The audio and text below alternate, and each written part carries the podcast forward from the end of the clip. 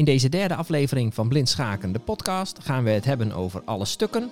We gaan hun waarde benoemen en we gaan ze in de beginstelling op het bord zetten, zodat we nog extra kunnen oefenen met het benoemen van de velden.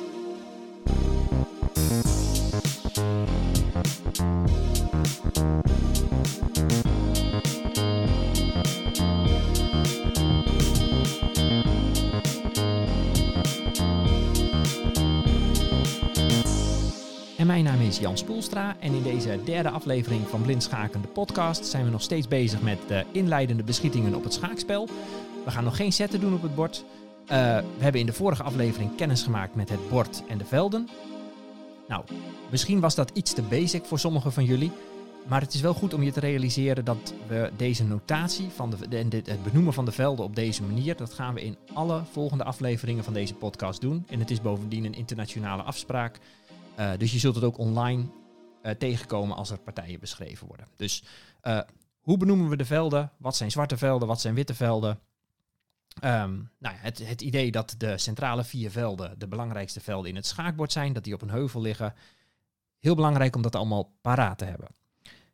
Dan gaan we het in deze podcast hebben over de stukken. Ik ga, we gaan het hebben over hun waarde in het schaakspel. En we gaan, het, we gaan de stukken in de beginstelling op het bord zetten. Nou, daardoor uh, raken we nog iets meer eigen met de notatie. En uh, dan gaan we in de volgende aflevering gaan we echt een stelling op het bord zetten. En gaan we zetten doen en gaan we leren schaken. Wat hebben we nodig voor deze podcast? Nou, dat is uh, het schaakbord en alle stukken. En het is misschien goed om ze eventjes uh, te selecteren, uh, te sorteren. Dus alle stukken waar je de twee van hebt bij elkaar zetten. De koning en de dame even apart leggen. En alle stukken waar je er acht van hebt, dat zijn de pionnen, hè, acht per kleur, ook even apart leggen. Zodat je in de podcast gewoon snel mee kan gaan met mij om de stukken op te zetten. Nou, het hoeft niet snel. Ik heb zelf ook de stukken hier naast het bord liggen. En ik zal proberen in een tempo te doen dat jullie mee kunnen doen. Goed. Um, we beginnen met de torens.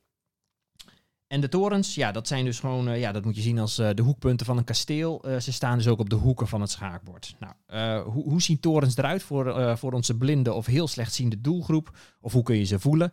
Ja, het zijn een soort cilinders die taps toelopen naar boven. Dus ze, worden, ze zijn van onderen breed, ze worden steeds smaller en bovenop ja, zit een soort plateautje. Vaak zitten er ook wat kantelen ingekerfd waar dan weer kanonnen op komen te staan. Nou ja, goed, hè. Vul, het, vul het allemaal maar in, het schaakbord. Um, in ieder geval, de torens gaan op de hoeken. Ik ga beginnen met wit opzetten. En uh, let even op of het schaakbord goed is neergelegd. Uh, linksonder ligt een zwart veld. En dat is Anna 1. En daar zetten we ook meteen een toren op, op Anna 1. Nou, je zult misschien af en toe wat uh, geluid horen van hout op hout. Nou, dat ben ik die de stukken opzet.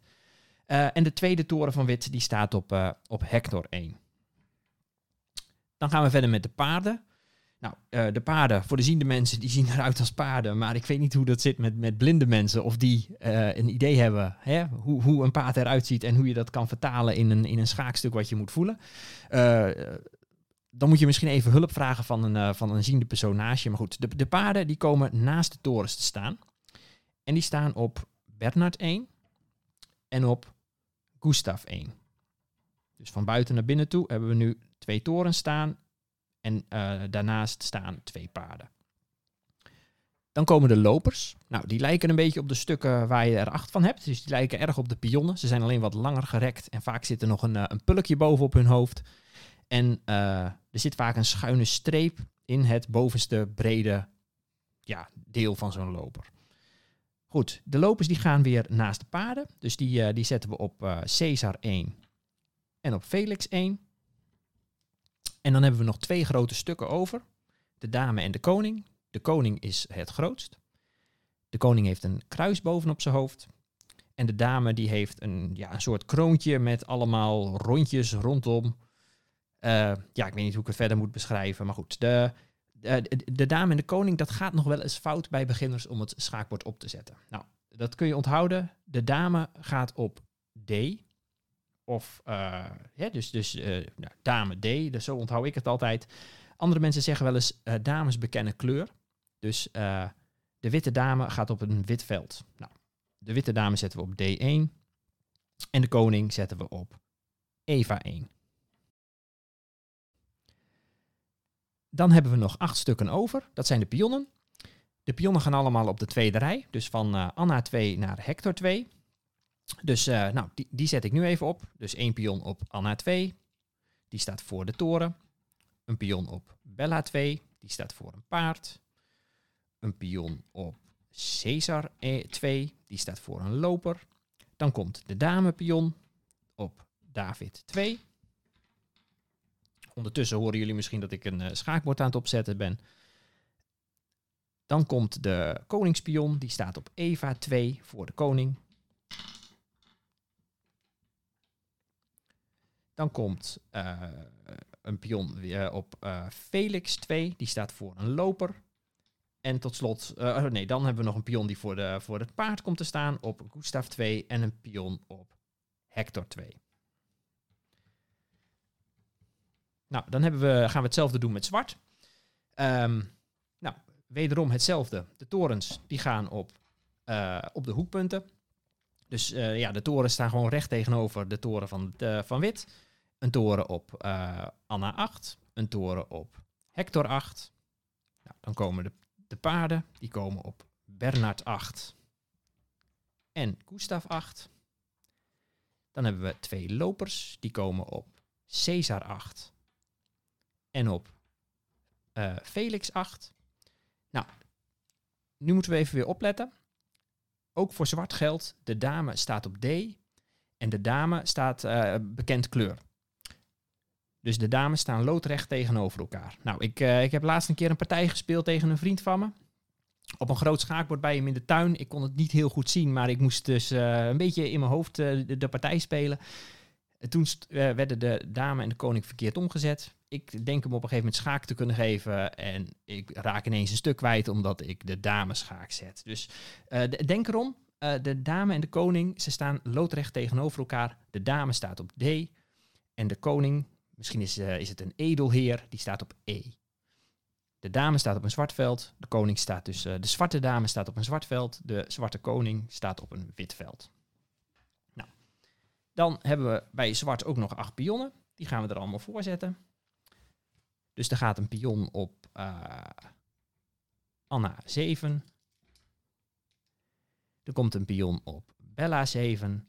Een pion op Caesar 7. Dan komt er nog een pion voor de dame op David 7. Een pion op Eva 7. Die staat voor de koning. Dan staat er een pion voor de loper op Felix 7. Nog een pion voor een paard op Gustav 7.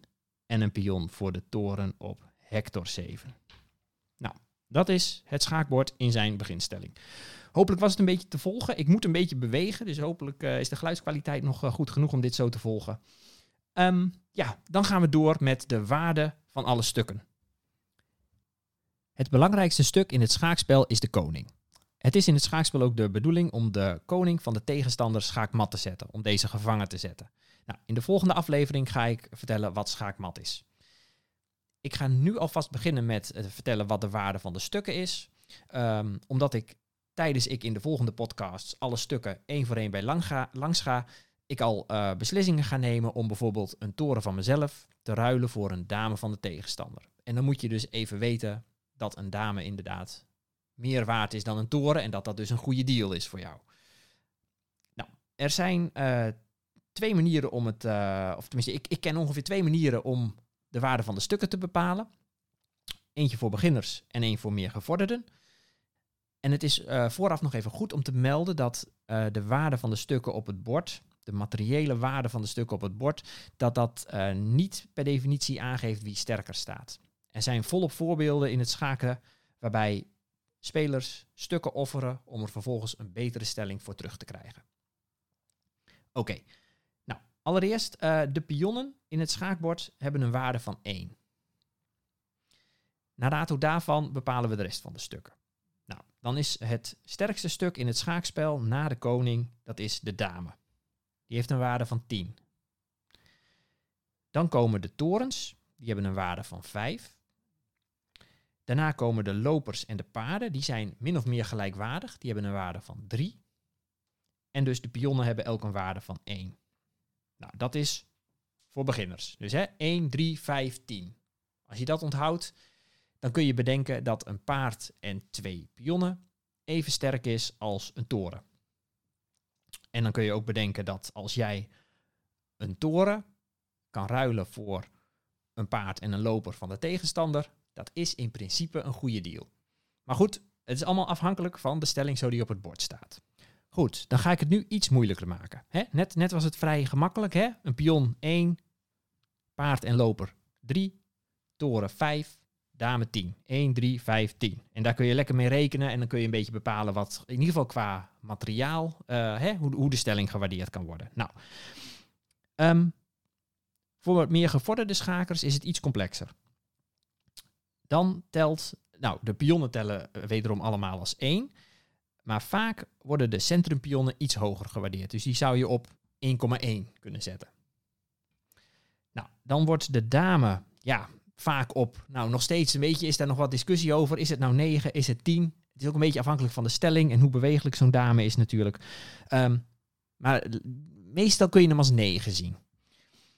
Dan zijn de torens, uh, krijgen een waarde van 5,5. Dus die zijn eigenlijk, twee torens zijn eigenlijk iets sterker dan een dame. Dan, uh, en dan worden voor de lopers en de paarden een waarde van 3,5 toegekend. Nou, um, dan is het, uh, als het gaat om de lopers en de paarden, kan het nog iets complexer worden. Het is namelijk heel erg van belang, of tenminste, het is, het is gewoon een, een voordeel als jij twee lopers hebt en je tegenstander maar één loper. Dus als jij een paard van jou kan ruilen voor een loper van de tegenstander, dan heb je een voordeel. En dat is uit te drukken in de waarde van een pion. Dus als jij het loperpaar hebt en je tegenstander niet, kun je eigenlijk in veel stellingen daar één bij optellen. De reden daarvoor is dus omdat de lopers eh, schuin over het bord bewegen en die zullen nooit van kleur veranderen. Nou, daar kom ik in uh, podcast nummer, nou, dat zal in de zesde podcast, kom ik op de loper, uh, kom ik over de loper te spreken. Dan zullen we daar uitgebreid op ingaan. Maar goed, dat is iets om te onthouden. Hè? Twee lopers hebben is beter dan één loper hebben. Als jij een paard kan ruilen voor een loper van de tegenstander in de opening, is dat vaak een goede deal. Dat was het voor nu. Ik heb het gehad over alle schaakstukken. Ik heb de stukken in hun beginstelling op het bord gezet. Ik heb iets gezegd over de materiële waarde van de stukken, hoe je dat kan beoordelen. Um, in de volgende aflevering gaan we het hebben over uh, de koning en de dame en hoe deze over het bord bewegen. We gaan het hebben over de begrippen schaak en schaakmat. Wanneer win je een partij? En we gaan het, uh, ja, en, ik, en er komt al een klein tactisch probleem op het bord. Nou, en ik probeer uh, mij met deze schaakcursus per podcast een beetje te onderscheiden van andere schaakcursussen door meteen al een beetje tactiek op het bord te zetten. Andere schaaklessen die, die zetten gewoon een dame op het bord en die zeggen hoe, hoe, ze, hoe ze over het bord bewegen. Maar ik probeer al een klein beetje verder te kijken. Dat en meer in de volgende aflevering. Ook als we het over torens gaan hebben, dan uh, ga ik ook weer uh, wat verder met wat tactieken op het bord zetten. ja, dat is het voor nu. Laat even weten wat je van deze podcast vindt via blindschakendepodcast.gmail.com Voor nu bedankt voor het luisteren en tot de volgende keer achter het bord en dan gaan we zetten doen.